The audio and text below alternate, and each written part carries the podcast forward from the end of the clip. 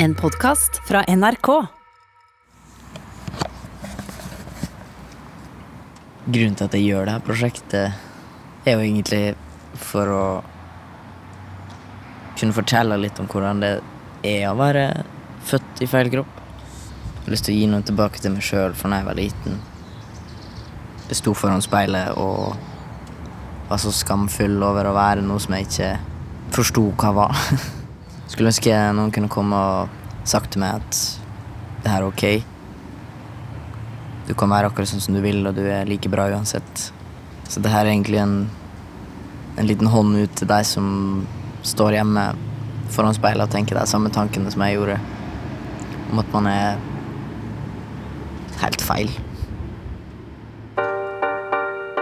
Du hører nå på Penis i posten, en dokumentar om mitt første år på testosteronbehandling.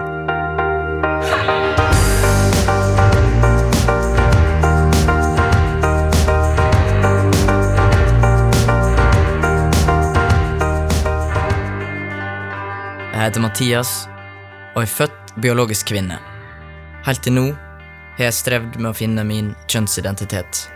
Nå har jeg bestemt meg for at jeg vil endre kroppen min, slik at den passer med hvordan jeg faktisk føler meg. Jeg har lyst å invitere deg inn i min verden som transseksuell.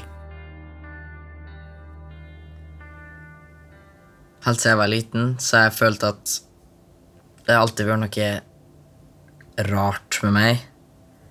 Jeg passa liksom aldri inn. Ikke på barneskolen når guttene flørta med jentene. I turngruppa når jentene skulle ha badedrakt og danse til Grease med leppestift. I garderober på ungdomsskolen og alle havna i puberteten. Det var liksom ikke plass til en som meg. Ingen forsto meg. Jeg tror egentlig ikke at jeg forsto meg sjøl engang. Ikke før jeg ble 26 år, turte jeg å bryte ut av meg sjøl og innse at nå klarer ikke jeg å leve i en jentekropp lenger.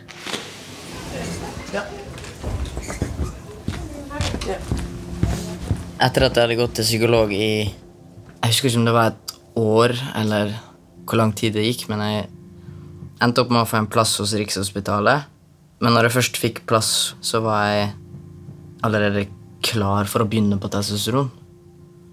Og de krever at jeg må gå hos dem et år før jeg får testosteron dekt fra staten.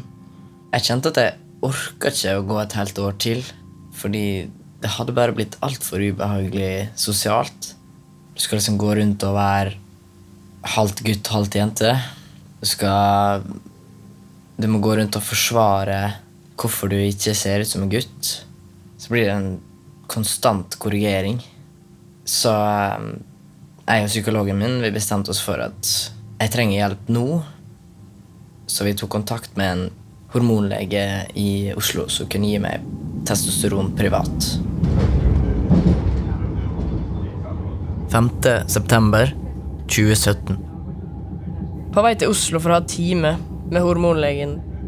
Vi skal ta blodprøve og snakke om videre behandling. Skjegg, hår, muskler, brystkasse, penis. Alt det her vil jeg egentlig ha, men så kommer en stemme eller en rar, ekkel følelse og gjør meg liten og stygg. Redd for å ikke ha kontroll over hvordan jeg vil se ut og bli.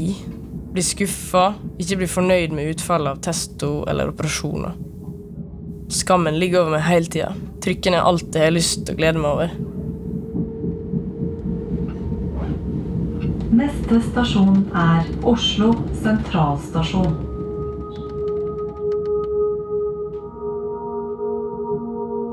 Selv om jeg visste at testosteron kommer til å gjøre meg lykkelig i meg sjøl, så fikk en sånn klump i magen hver gang jeg tenkte på hva om jeg ble aggressiv og kald? Hva om jeg mista liksom alle følelsene mine? Hva om kroppen min ikke blir sånn som jeg egentlig håper? Kommer til å se ut som ei jente i liksom et år før ting skjer?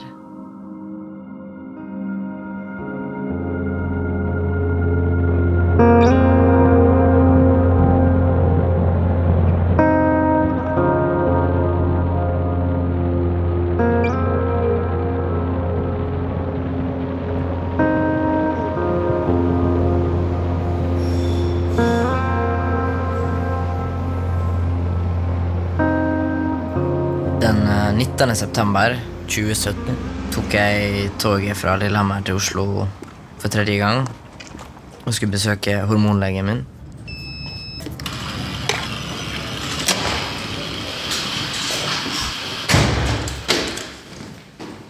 Jeg husker at han hadde nevnt sist gang at jeg kanskje skulle få testosteron denne gangen. Jeg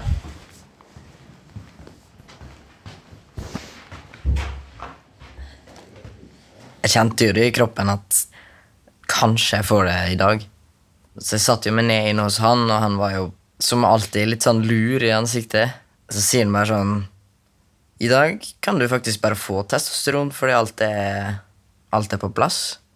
Jeg husker jeg kjente bare sånn Det bare uff, i kroppen, og jeg hadde lyst til å hoppe på han og grine og si tusen takk, og du får liksom det som du har venta på på en måte hele livet, og du tenker sånn Nå setter mitt nye liv i gang, og alt blir dritbra. altså spør jeg jo bare sånn Kan jeg få lov å smøre på i dag, liksom? Ja, selvfølgelig kan du få smøre på i dag. Så jeg bare sprang så fort jeg kunne til det nærmeste apoteket og fikk tatt ut denne flaska med testosteron. Men jeg turte jo absolutt ikke å smøre på den testosteronen før jeg hadde tatt toget helt tilbake til Lillehammer på kvelden. Da er jeg offisielt på min første testosterondose. Jeg ligger i senga mi og er kjempesliten. Det var en lang og utrolig intens dag. Jeg har grått av glede og har kjent på utrolig masse følelser i dag. Og jeg er fortsatt ikke helt eh, innforstått med at i dag er dagen som skal starte mitt nye liv.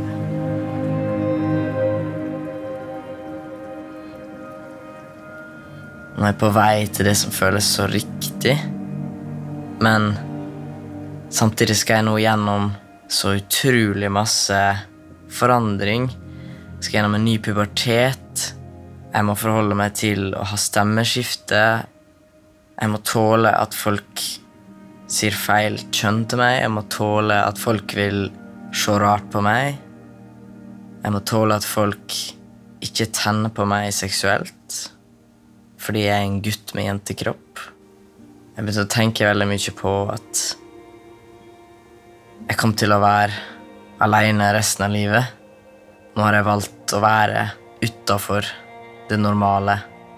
Nå må jeg ta alt som følger med det. set sails towards the wide sea and storm. There's no place you'd rather be. I wonder if you ever think of me.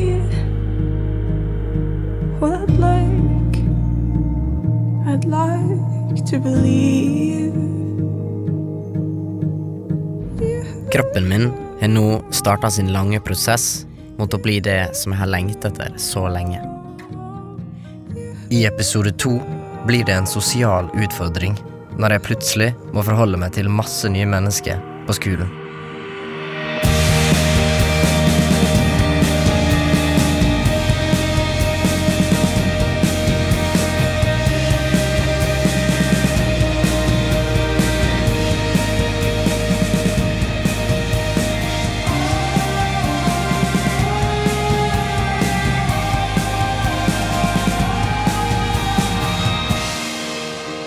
Penis i posten er produsert av Filmreaktor for NRK.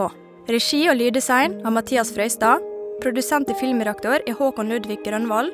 Produsent i NRK er Hege Haug Omre, og Siril Heierdal er redaksjonssjef. Du har hørt en podkast fra NRK. De nyeste episodene hører du først i appen NRK Radio.